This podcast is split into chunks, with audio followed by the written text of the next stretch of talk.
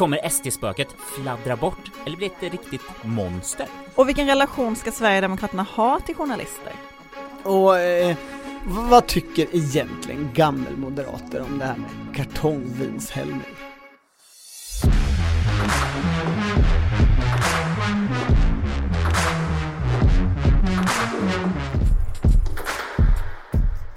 Det här är Politik med Bagge Strömberg och Torbjörn Nilsson och Henrik Torehammar. Mycket gripande. Mycket gripande. Det som pågår är ju eh, samtal eller förhandlingar på högersidan. Utan Och- ett valresultat? Och massa interna möten om eh, vad, hur de ska vinna så mycket som möjligt. Och hur de ska få ihop det här.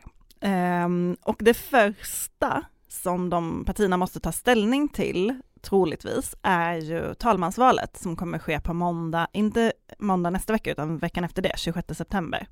Det är ju alltid det första som händer när riksdagen samlas igen. Och då förra gången så blev SD bortfintade.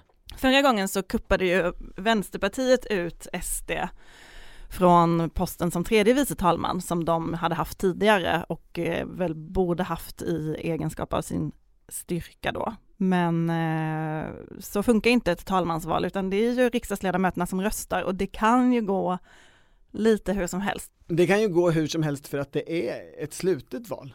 Och det var ju det som visade sig förra gången, att här röstar ju inte partigrupperna med partipiskan som de gör så ofta annars. Precis, man lägger ju en lapp i den här urnan och sen så brukar ålderspresidenten, som jag faktiskt inte vet vem det är nu, sitta och läsa upp den. Bra fråga. Tuve Ehm, Skånberg var ju det, men Men han... han verkar inte komma in. Kristdemokraten. Mm, nej, han verkar, han, eh, han, han verkar inte jag komma in något? om jag, man ska tro alltinget. Väldigt oresearchat. Morgan Johansson, har inte han suttit väldigt länge? Jo, han, han var ju åldersman i regeringen, men det ser han ju inte ut att få fortsätta att vara. I alla fall eh, så har ju Socialdemokraterna och Moderaterna alltid stridit om principen för vem som ska få talmansposten. Socialdemokraterna har alltid tyckt att det ska vara största parti. Slumpmässigt nog har det ju alltid varit Socialdemokraterna som är största parti.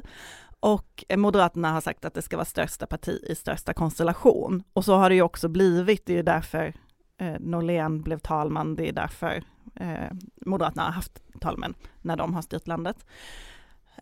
Um, men den här gången är det ju då Sverigedemokraterna som ska ha talmansposten enligt Moderaternas gamla princip. Okej, så vi har principer, vi har SD-revanschism från förra gången. Så när blir Björn Söder näst efter konungen högst i riket? Ja, men jag frågade moderater detta förra veckan när jag skrev om eh, regeringsbildningen. Då pratade jag bakgrund med en del moderater och ställde just den frågan. Eh, och då började de stamma. Och då blev de stressade och så sa de, nej vi kanske inte ska säga helt hur vi tänker oss, men vi, det, i, i högerblocket, så här, så här ser Moderaterna på världen just nu.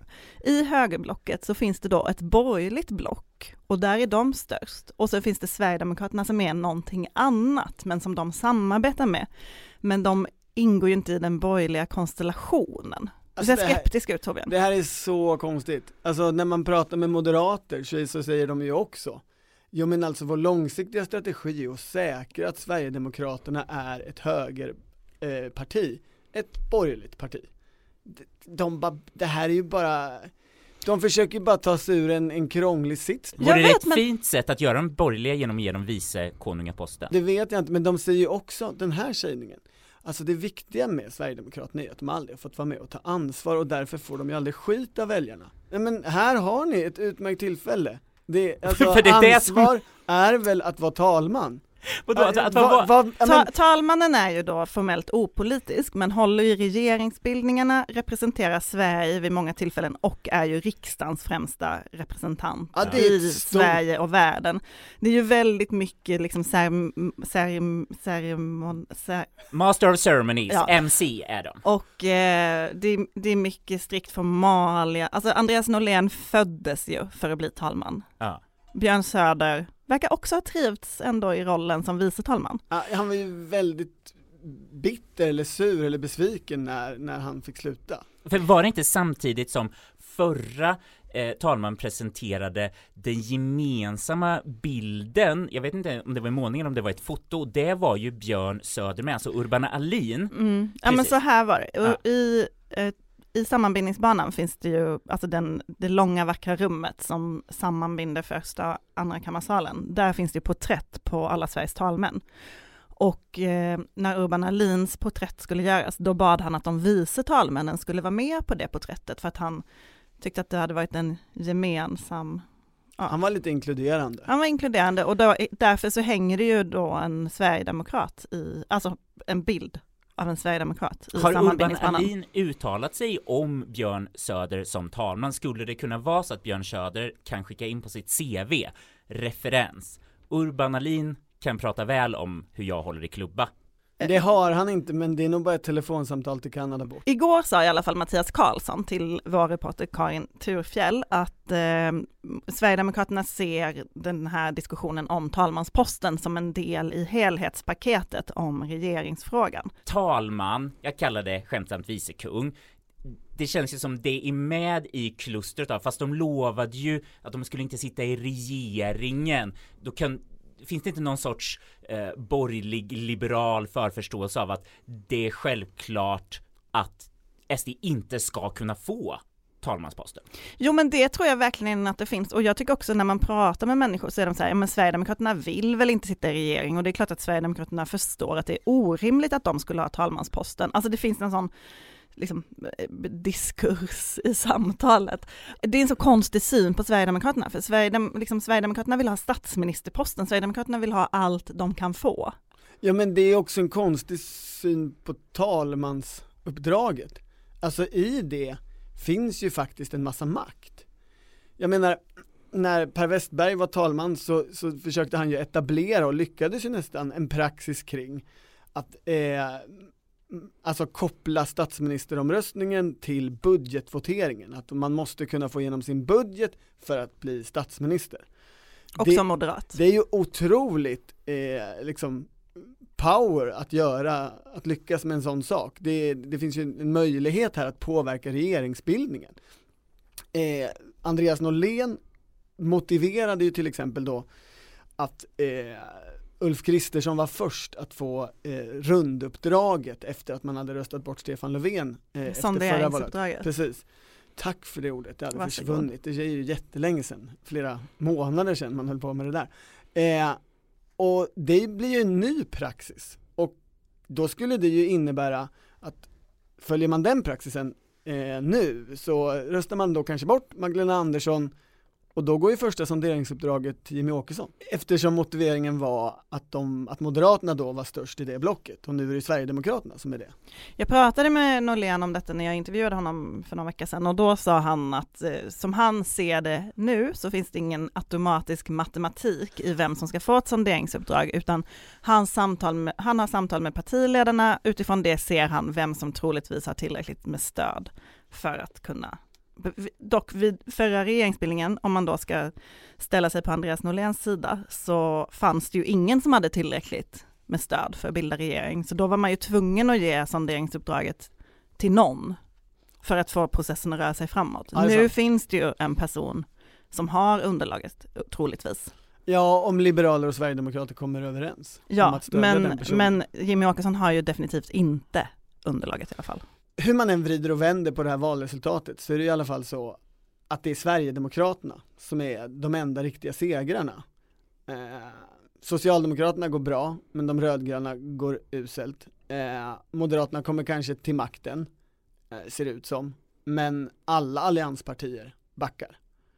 Eh, det, det, hela den här, alltså, Johan Norberg skriver i Göteborgs-Posten, det är en det är ett nederlag för eh, den ekonomiska marknadsliberalismen. Och det är svårt att säga något annat, tänker jag. Det var ju den stora skräcken på moderatvalvakan i söndags, att vi nu skulle få ett svenskt politiskt landskap där eh, liberalism och marknadsliberalism inte alls fanns med på skalan, utan att det skulle handla om socialism mot nationalism och att de skulle liksom försvinna i det. Det, det gick liksom både Gunnar Hökmark och Benjamin Dosa runt och pratade om. Jag, jag tycker det är så roligt när, när det liksom börjar, varje gång det går framåt för Sverigedemokraterna så ska det förstås och förklaras. Och så finns det ju två favoritförklaringar som kommer liksom, ja, på en millisekund.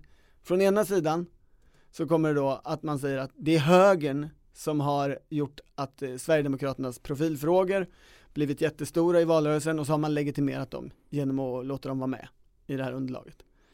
Och samtidigt så säger den andra sidan, nej nej nej, det är ju vänstern som har ju återigen gjort en valrörelse som bara handlat om Sverigedemokraterna och därmed satt dem i centrum och, och fått folk att rösta på dem.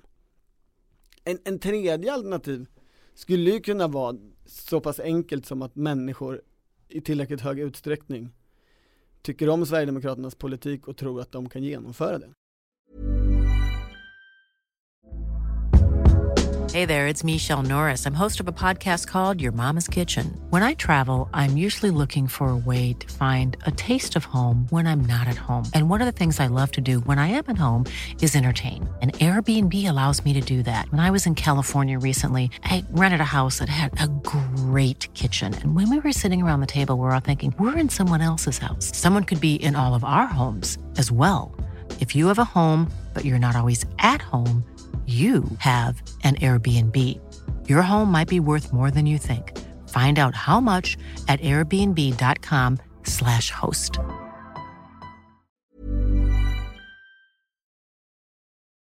Jag träffade på eh, valdagens morgon en kvinna som skulle rösta på Vänsterpartiet i kommun och regionval, men som eh, tydligt övervägde att rösta på SD i riksdagsvalet.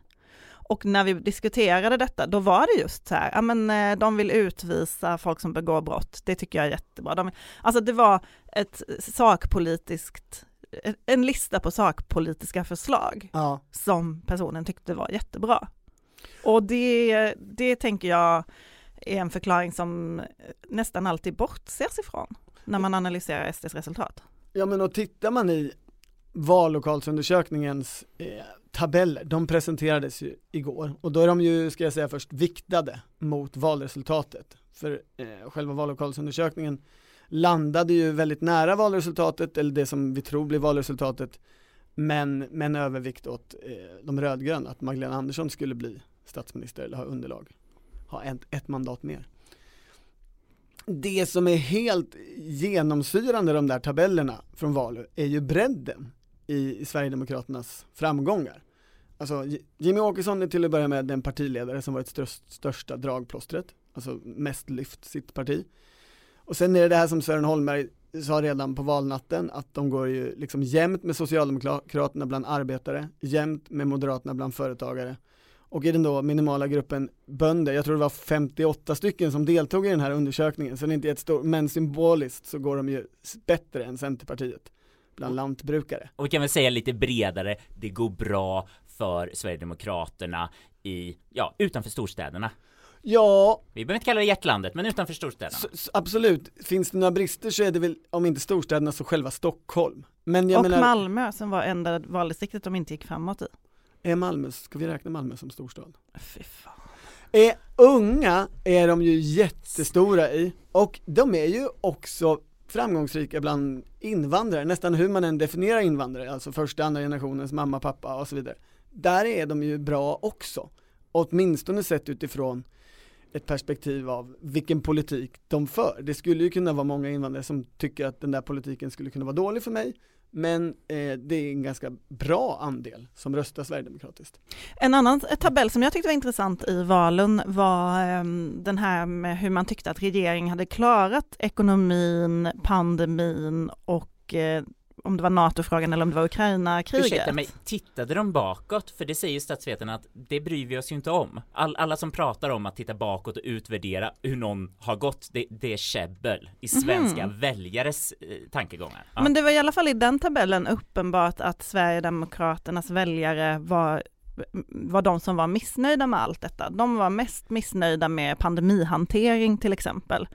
Eh, mest missnöjda med kriget, Ukraina, NATO, hur, vad jag kommer inte ihåg hur det formulerades. Och samma sak med ekonomin. Så, så var det ju, och, och samtidigt så var väl den stora bilden att paradoxen i det här, hela materialet från valet är att det finns ganska mycket siffror som talar så att säga till Socialdemokraternas fördel. För överlag så var ju folk väldigt nöjda på alla de här tre tillbakablickande sakerna. Vad har regeringen uträttat? det var, de, ju- det var ju positivt. Så när de frågar vem vill du helst ha som statsminister?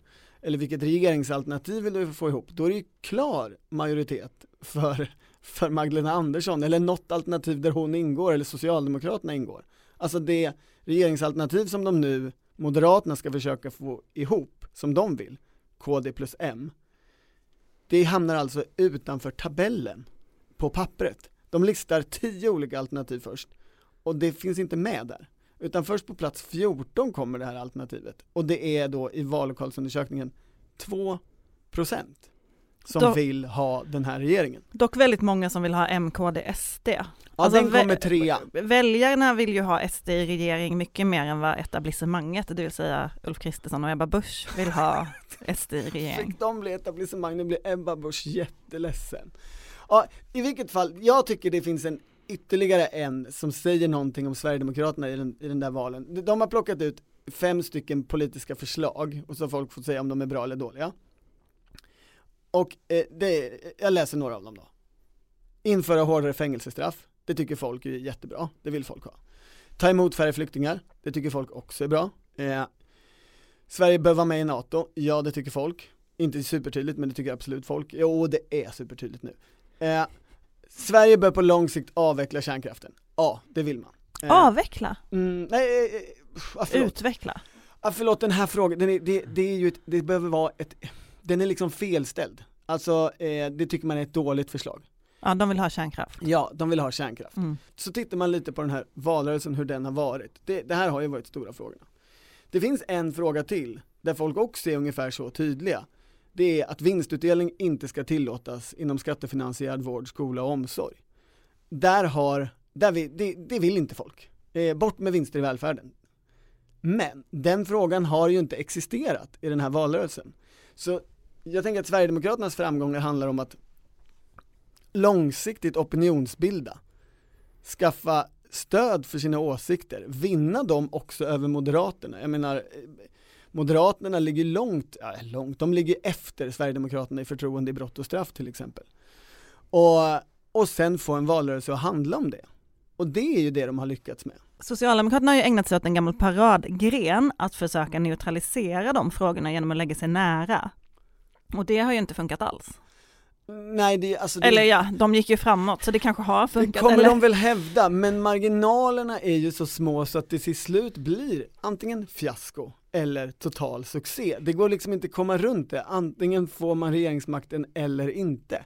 Sen kan man ha hur många, jag har sett ett sånt papper på, jag, jag fick ett sms med liksom talepunkterna som går från Sveavägen 68 via, via deras tankesmedja och ut i, ska ut i, och tryckas utåt. Det Var det, förlåt, var det ett konspirations-sms Nej, eller var nej, det nej, verkligt? nej det, var, det, det här uppfattar jag som verkligt och då är det ju många fantastiska bortförklaringar och ett stort hela tiden prioriterande av Socialdemokraterna har som parti gått framåt.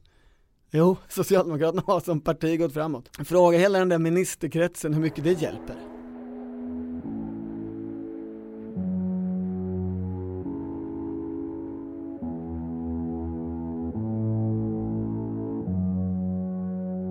Everybody's stupid in an election year, Charlie. Everybody's stupid in an election year. Everybody's stupid in an election year, Charlie.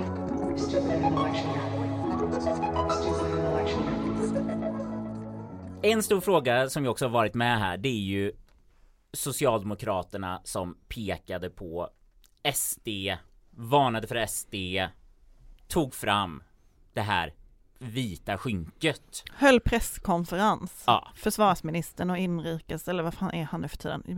Nu är han snart ingenting. Anders Ygeman. Migrations... Allt och ingenting. Alltså han kommer bara vara Anders Ygeman igen. Ja. Ja, Ygeman-portföljen helt enkelt.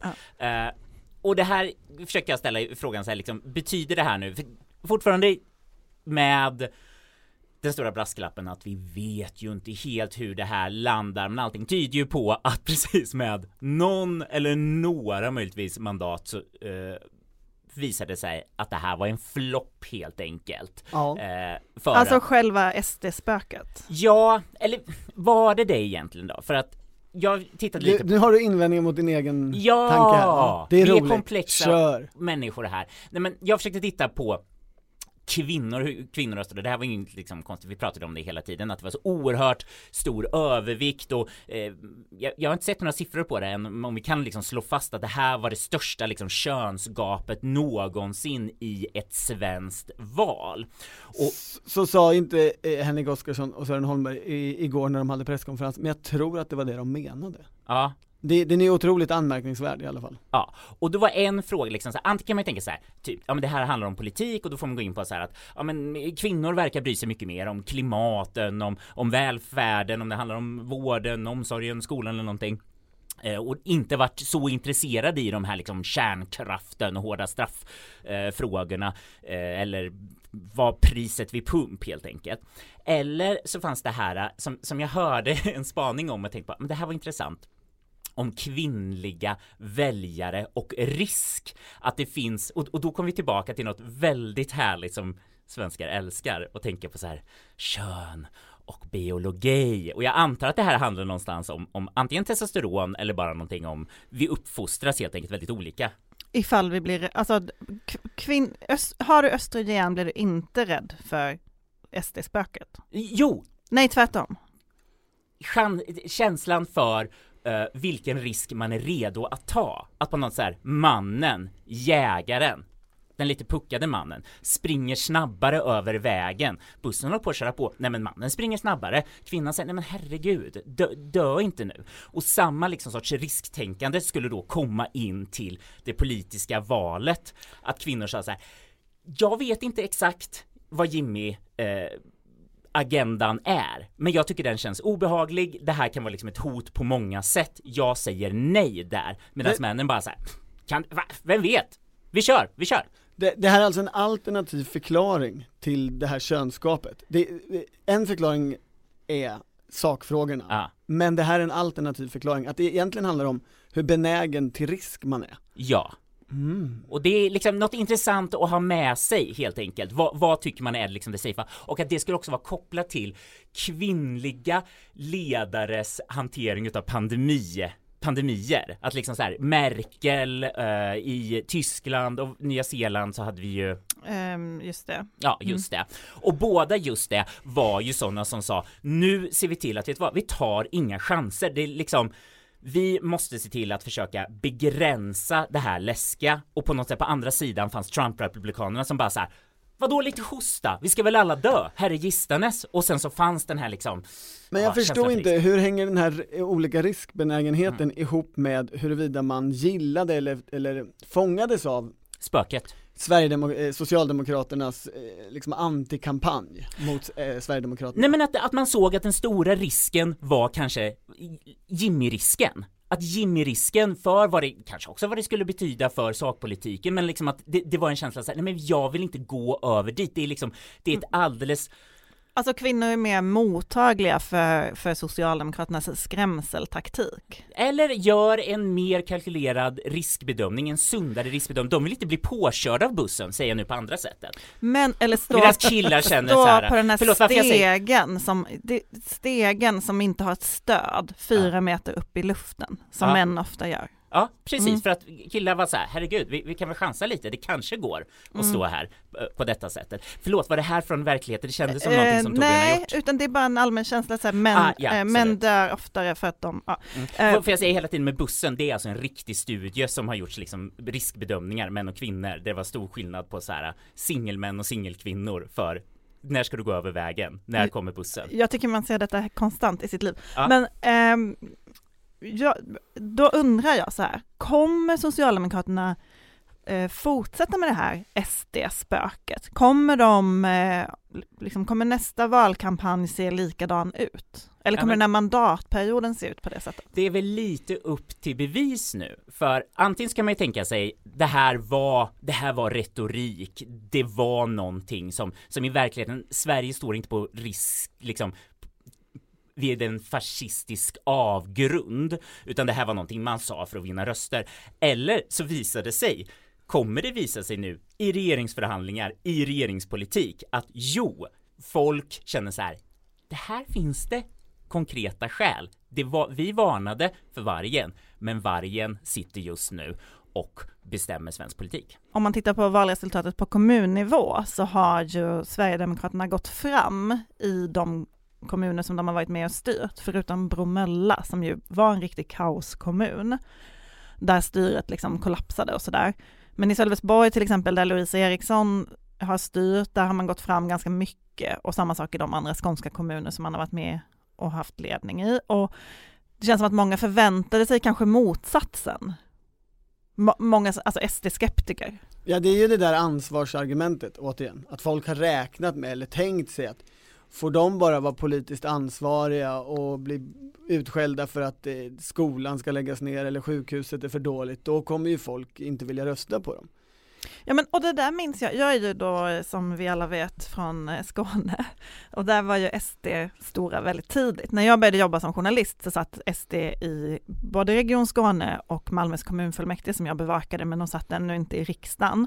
Och jag minns så väl när de kom in i riksdagen och jag var, eh, hade åkt till Stockholm för att bevaka det för Sydsvenskan och att alla liksom gick runt och pratade om att ja, men snart, liksom, det här kommer ju krascha, det kommer ju bli som Ny Demokrati. Eh, nu kommer de liksom komma in och visa att de inte kan. Och jag som då hade följt dem i både Region Skåne och i, i de skånska kommunerna visste ju att så funkar det ju inte alls. Det var ju ett parti där de jobbade jättehårt och var liksom superengagerade, la jättemycket förslag. De var inte alls som Ny Demokrati, det var inte alls den typen av, av kaosparti. Och det känns lite som samma, samma diskussion nu, att det kommer in, väljarna kommer nu se att det inte funkar. Ja så är det ju, alltså det, det finns ju, de som är mot Sverigedemokraterna har ju hela tiden ett x antal förhoppningar om när det här är över. Och, och slutförhoppningen i det där, jag funkar inte den där ansvarsgrejen, då kommer det i alla fall hända när Jimmy Åkesson slutar som partiledare. Mm. Då är ju det här över. Då blir det som vanligt igen. Och det, där, det är ju, en, det tänker jag är en underbar mänsklig illusion av att man har ett normalläge först och sen tänker sig att det, det kommer ju komma tillbaks till normalläget. I själva verket så gör ju nästan ingenting i tillvaron det. Det är inte så livet fungerar, att man kommer tillbaka till något slags normalläge. Du tänker dig att Moderaterna kommer gå samma väg som Centerpartiet? Att liksom man kommer om några år prata om den där tiden då man var näst största parti och minns ni när Fredrik Reinfeldt ledde landet, eller Ulf Kristersson, men det var ju länge sedan, nu är vi på 5 procent. Och... Jag, tror möjligen inte på ödet på det sättet, men det finns ju en uppenbar risk. Alltså, det står ju och väger här eh, med hela den där relationen Moderaterna Sverigedemokraterna eh, efter det här, vad vi tror är valresultatet. Eh, vem kommer ha framöver ledartröja i något som kallas högern i, i Sverige? Det är ju fullt möjligt att Moderaterna har det den här mandatperioden, de får statsministerposten, de, de liksom stärks av det och växer som parti och alla älskar dem och så vidare och börjar, de börjar ta från Sverigedemokraterna och från andra håll. Men det är lika möjligt, man kan ju se lika många liksom steg mot en utveckling där ja, Moderaterna får ta det riktiga ansvaret, blir impopulära för att det blir en svår och jobbig mandatperiod, sjunker ännu mer medan Sverigedemokraterna kan vara halv opposition och halv regering och, och stå och ta in allt missnöje och fortsätta framförallt driva och bilda opinion för sina frågor, bredda sig som parti, växa och säga till slut att eh, det är väl bättre att vi tar det här. Alltså man kan ju se dem om det blir som det upplägg liksom Moderaterna och Kristdemokraterna vill ha. Liksom ett år, ett halvår före nästa val, frigöra sig från hela det här regeringsansvaret och gå ut och bara köra. Men Henrik, mm. SD-spöket, kommer Socialdemokraterna, alltså, om inte Socialdemokraterna nu kan kampanja med det längre, vad, vad kommer de då göra nästa val? Nej men nej men då är ju frågan om det inte blir ett spöke utan det blir liksom ett, ett SD-monster, någon sorts, nu försöker jag tänka mig så här, vad, vad är det som, som finns på riktigt? Att, att man, antingen kommer man ju eh, säga så här, ja oj, det, det, blev så ofarligt eller liksom i, i verkligheten så blev det inte liksom så, så hemskt som vi sa det skulle bli. Eller, eller så kommer man ju kunna jobba mot någonting att det blev, eh, ja kanske inte då eh, lite det här eh, värderingsmässiga hotet mot den eh, liberala demokratin, rasismen. Eh, men framförallt kanske mer någon sorts liksom den här kaosenergin som vi kanske redan har sett lite exempel på i de här börja trevande försöken att, att skapa eh, eller att göra Ulf Kristersson till statsminister. De här första dygnen har väl ändå hjälpt den här SD-spöket tanken? Jo men stabschefen Linus Bylund har ju haft sitt moment of fame i måndags. Ja. När eh, de bör, partierna började ha samtal på moderatkansliet och eh, journalisterna stod utanför och väntade och Linus Bylund, som ju, han har ju varit med väldigt länge, han var ju länge eh, liksom Jimmys personliga pressekreterare, sen försvann han, han kom in i riksdagen var ett tag och sen eh, liksom försvann han ut och nu är han tillbaka och har varit ett, ett tag. Eh, och han har ju en ton som är ovanlig. Eh, Jag tänkte försöka eh, åka hem och äta isterband faktiskt. Eh, inget skämt, det är 100% sant. Vad, vad ser ni fram emot de kommande dagarna? Ehm, mycket jobb antagligen. Eh, och mycket av det som vi kallar för journalistrugby. Vad menar du med det? Ja, att man knuffar journalister. Nej men han, fick, han hade ju också ett annat, eh, en, det fanns också ett annat klipp från eh, den här dagen som jag tänker att det är lika bra att vi lyssnar på det så har vi liksom allting klart för oss. Ja, nu har vi haft några månader där vi har dansat efter er pipa och eh, er i medias pipa och varit på era debatter, på era tidpunkter med era debattordningar och era, era eh, uppställningar och så vidare och era frågor. Så nu kör vi tvärtom ett tag. Nu är det vi som eh, bestämmer när vi pratar med, med media om olika saker.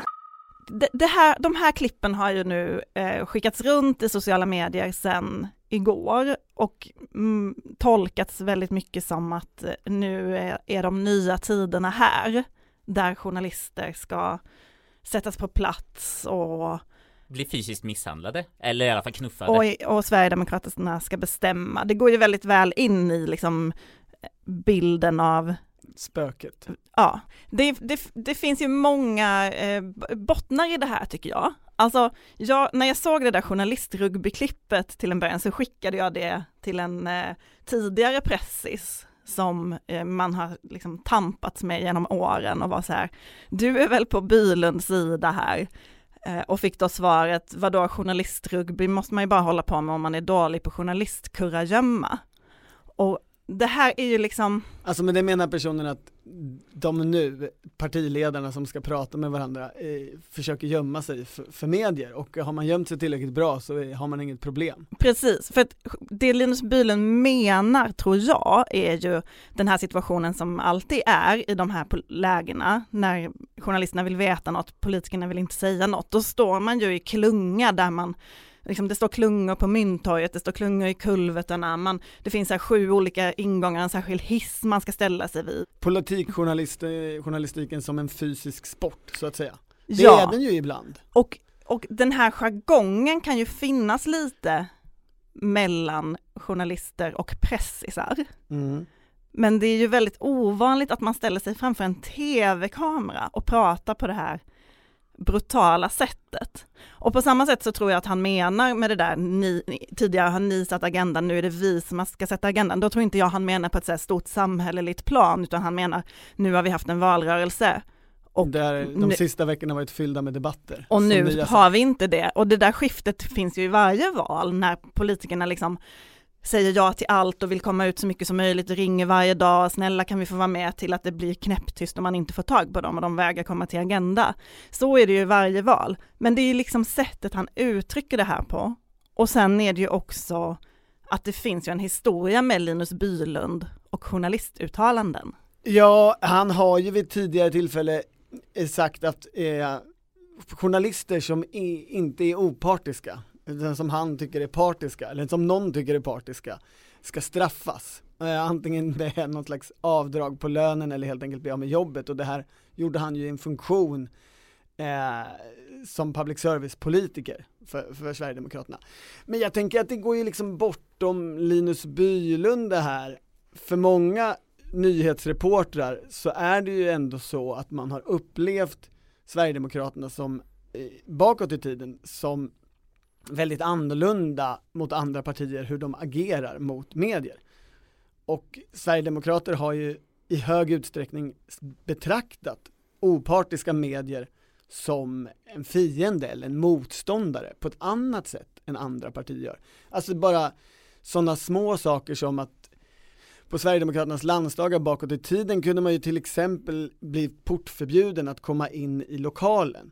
Man kunde få följa det genom ett annat rum. Man kunde inte gå runt och prata med ombud. Alltså sådana självklara saker som fungerar likadant i Så alla var andra det- partier. Så var det faktiskt senast 2000, efter valet 18 var jag på, på SD kvinnor, de hade någon sån här helg, eh, kongressaktig helg där Jimmie Åkesson höll tal, han brukar alltid göra det och då åkte jag dit och tänkte så här, gud vad spännande att få prata med SD-kvinnor, de pratar man så sällan med. Eh, men då blev jag placerad i ett rum där jag fick sitta till Jimmys tal började som jag fick lyssna på, men jag fick inte prata med någon om, då var det bara att de gick och hämtade dem jag fick prata med. Eh, och det är ju inte så, man, man är ju väldigt van som journalist att få röra sig fritt i sådana här sammanhang. Ja, och så finns det ju, det har ju också förvägrats akkreditering till nyhetsreportrar. Eh, jag tror det har hänt David Bas som ju liksom är Sveriges kanske ledande journalist och avslöjat så mycket saker kring Sverigedemokraterna eh, att han överhuvudtaget inte får komma på valvakor och, och, och, och tillställningar.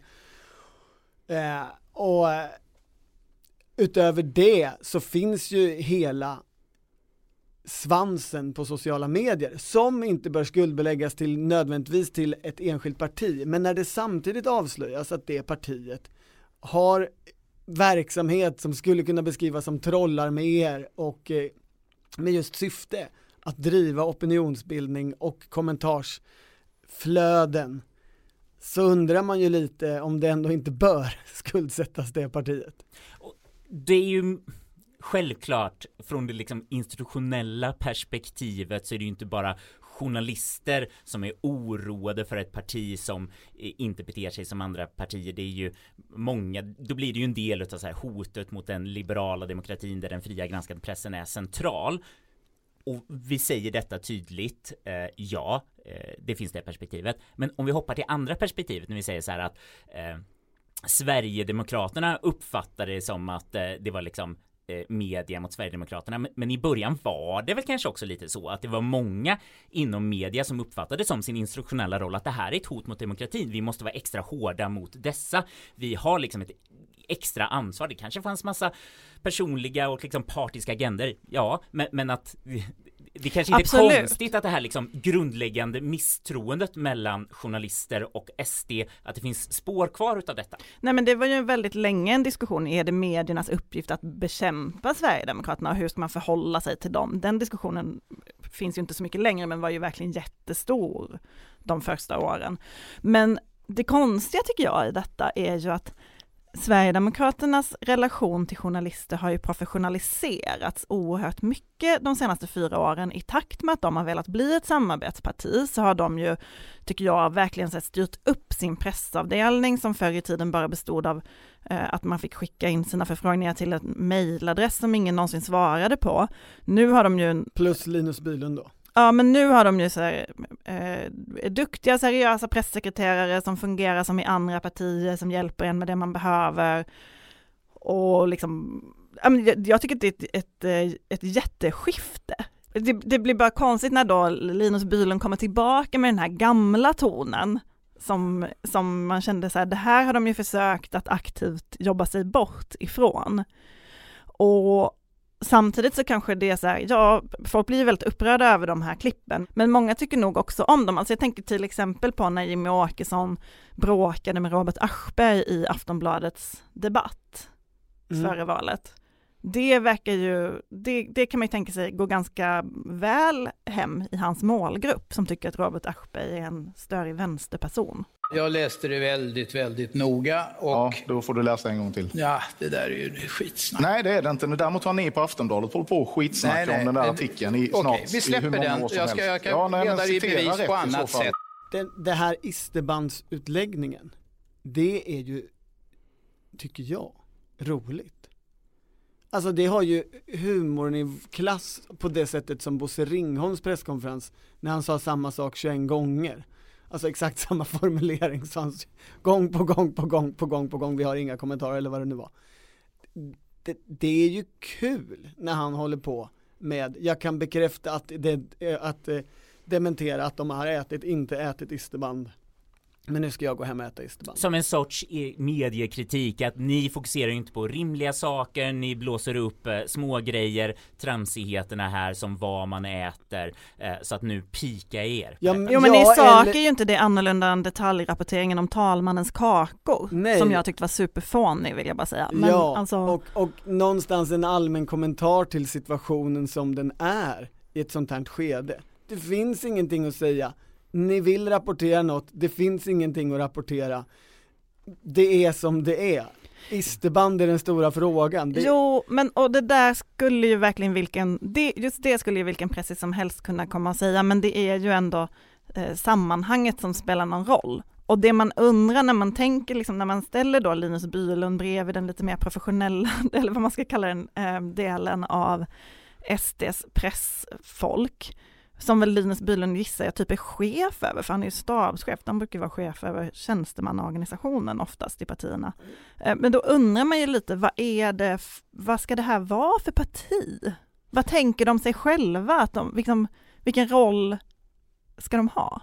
Ja, och i den frågan så är ju det här, det är ju ett splittrat parti på det sättet. Men de, jag tror också att de vill visa båda ansiktena samtidigt. Och det är det som jag tror man kommer få uppleva den här mandatperioden. Hur man sam- å ena sidan blir mer och mer regeringsfähig på något sätt. Och samtidigt hela tiden har Har- den här tunnelbanekampanjen, är Tobias Andersson som gör galna saker, säger, säger alldeles för starka saker. Ja, eller Och- och riksprogramledarnas Det är väl, stridsrop. det är väl själva strategin eh, på något sätt. Att de hela tiden ska säga någonting galet, eh, man bara, är det ett stridsrop? Och de bara, "Nej, men gud, hon var lite full och, och pratade om att det var en segerhelg. Men hon sa det i fel ordning, helg, seger. Åh, så att ena sidan ska säga så här, Åh, ni blir lurade, det här är liksom, nu, nu är det sanningen, får får se på denna sida och den andra sidan kan säga så här, åh vad ni blåser upp och försöker liksom fightas om, om oviktigheter. Jag menar den positionen i offentligheten har ju visat sig vara framgångsrik för Sverigedemokraterna, onekligen. Jag hör vad ni säger, jag tror att ni har rätt på något sätt, men jag undrar ändå om det inte finns personer i det här partiet som liksom verkligen önskar att det skulle gå i en annan riktning. Eh, ja, men jag bara tänker på den här Aftonbladet-rapporteringen i veckan som Linus Bylund kallar ett hopkok och klassisk kvällstidningsjournalistik när han fick fråga om det i Agenda, men som handlar om att de ser olika på regeringsfrågan och hur mycket man ska kräva där. Och att eh, partisekreteraren Richard Jomshof och eh, vice ordföranden Henrik Winge tycker olika. Jomshof tycker man ska kräva mer och Winge tycker man ska kräva min- mindre. Typ ministerposter och sånt. Ja, och det känns ju ganska i linje med liksom deras personligheter och hur de uttrycker sig, hur de arbetar, alltså den splittringen. Mm. Och frågan är om de tycker att det där är bra eller om det kommer leda till problem för partiet. Alltså jag menar, vi har ju redan sett en partisplittring i Sverigedemokraterna där flera har gått till Alternativ för Sverige. De kommer behöva hålla ihop sin riksdagsgrupp den här mandatperioden.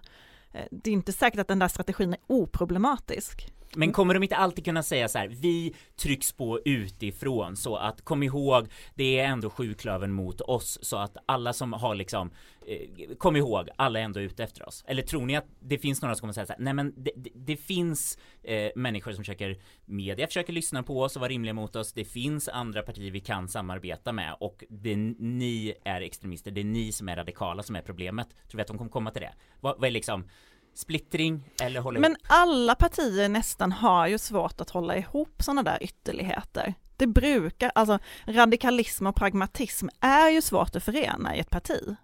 Så är det ju. Jag, jag tänker att Sverigedemokraterna har lite på grund av den här historien vi pratar om, en strukturell fördel jämfört med många andra partier.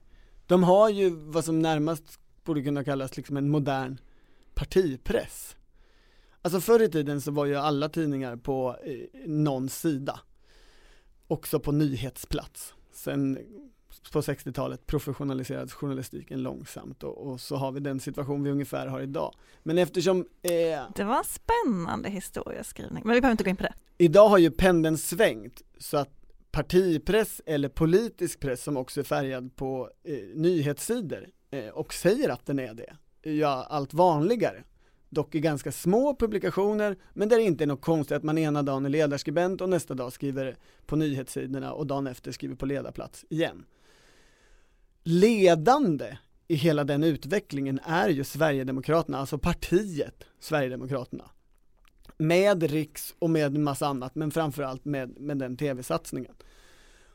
Så det är de som har ju hela tiden ett forum för att hantera den här splittringen mellan radikaler och pragmatiker, fundisar och realos. Och det tänker jag är en strukturell fördel för dem.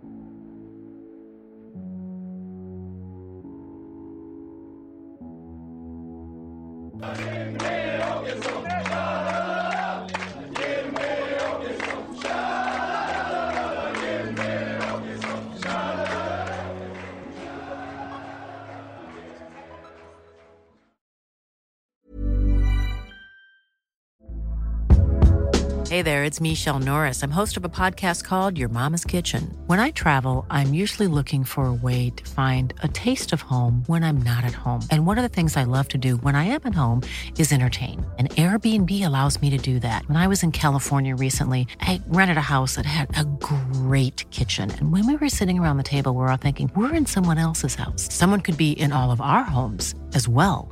If you have a home, but you're not always at home, you have an Airbnb. Your home might be worth more than you think. Find out how much at airbnb.com slash host.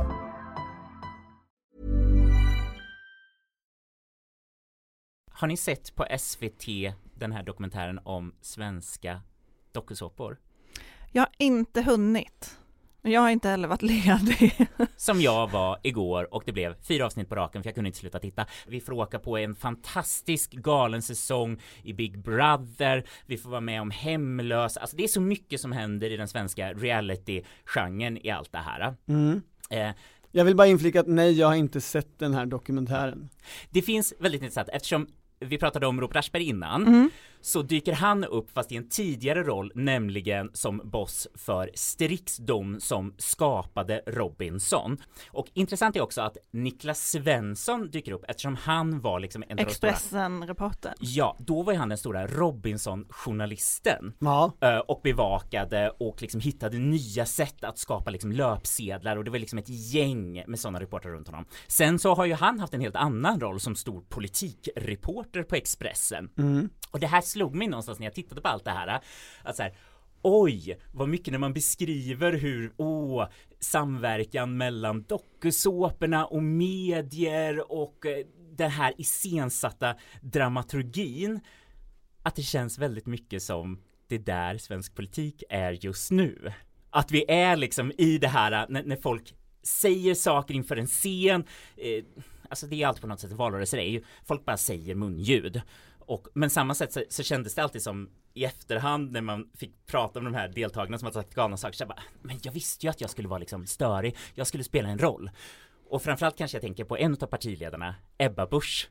När Mm. hon på något sätt, hon kan ju alltid mediet, hon kan ju allt, vet ju hur man ska bete sig för att få maximal uppmärksamhet och den här uh, dubbelheten som man inte vet så här, är du bara superproffsig eller är du förslagen? Är du en kalkylerande människa? Och, och den här diskrepansen mellan det vi tror att vi ser och kanske också vi i medias roll, att vi springer efter. Ja men verkligen, det där, jag har tänkt jättemycket på det i diskussionen om eh, det, det allt mer polariserade politiska klimatet och hur journalistiken ändå, tror jag, bidrar i det. Alltså i, i det kanske inte så konstruktiva klimatet i riksdagen alltid.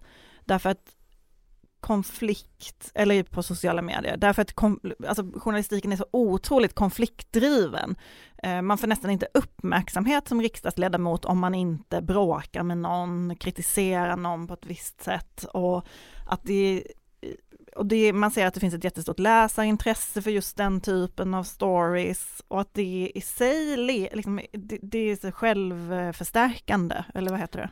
Vi är alltså alla bara en, en del av en enda stor reality show. Det är det som Man fick som ju sådana vibbar av de här Tobias Andersson-bilderna när han firade med eh, olika influencers och modeller som hällde vin i hans mun. Det såg ju ut som, Paradise Hotel. Big Brother? Jag har inte sett Paradise Hotel men det såg Kungen av ut som, Big, jag är så gammal, såg ut som Big Brother, det brukade jag säga på. Jag tycker ju alltid det finns orsak till självkritik. Realityserier idag har väl någon slags del i samma nätverk som en massa influencers. Alltså en del som blir stora genom att vara med i ett sånt program och så vidare. Den intressanta frågan är ju när tar du dig in i politiken den vägen? Eller kopplingarna mellan politiken och den här världen. Ursäkta Jan Emanuel. Jo det är jag med på, Rik- riktigt gammal Robinson-stjärna, men jag menar Jan Emanuel är ju bara en figur idag, han är ju inte del av politiken egentligen. Eh, det är ju däremot Tobias Andersson, och de här bilderna från valnatten där, de, där det hälldes vin i hans mun och så vidare. De, Alltså de det gjorde- hälldes bibb i hans mun, kan vi inte bara också erkänna skillnaden mellan den Det var en inte champagne. Nej men ikonisk att få någonting från eh, en, ja fallos, låt, låt oss säga det, att direkt hällas från den gröna glasflaskan i mun versus att någon står där med den där lilla tappen. Det är något, det är ändå ett, det, det är alltså en kvinna som gränslar honom och häller, häller vin från, från en, big, en, en, en kartong Mm. eh, rakt ner i munnen, ja precis. Eh, och nej, det kanske, det finns säkert en del moderater, jag vet inte så här. paret Adelsson tycker de att det där är högkultur. Eh, vem vet? Låt oss fråga dem. Lars Tobisson tycker han, eh, Göteborgs överklasskarn, att det här är väluppfostrat. Är det värdigt? Det, det, det finns säkert en sån dimension, men jag tänker att den här dimensionen där, där du är inne i nu handlar ju mer om den direkta kopplingen till, till den typen av kändisskap som realityserier och, och influencervärlden har. Och då är det ju, då måste man ju ändå poängtera att den kvinna som står och häller det här vinet är ju någon slags influencer. Eh, utav den lilla research jag lyckats göra. För mig var hon alltså helt obekant innan jag fick se de här bilderna. Det säger kanske mest om mig. Eh, men det är ju också, det finns hela, i den världen, av en snabb titt in i den världen, som de här bilderna fick mig att göra.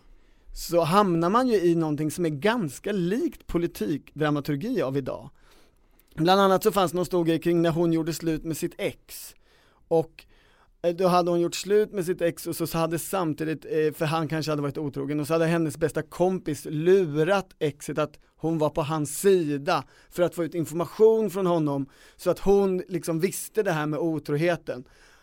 Och det kändes ju, hela, det var, det var ju upplagt med några reels, några bilder, hur hela det här hade hänt och det bara, det här är ju exakt som en regeringsbildning. Alla tror att de lurar varandra och gamer och, Tobias och liksom hittar Andersson har ju också varit ihop med både Rebecca Fallenkvist på Riks och Pau.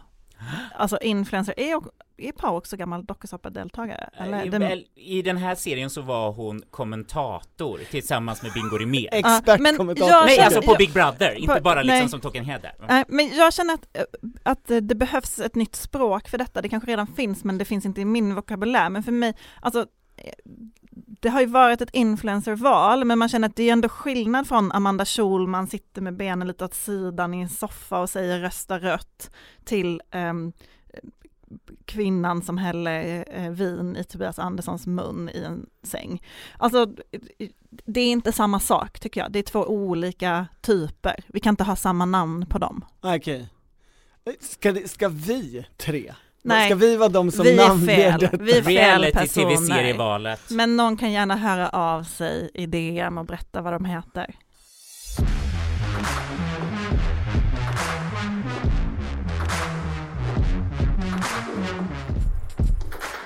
Lyssnat på Politiken, en podd från Svenska Dagbladet. Producent var Martina Pierrot, ansvarig utgivare Anna Kareborg.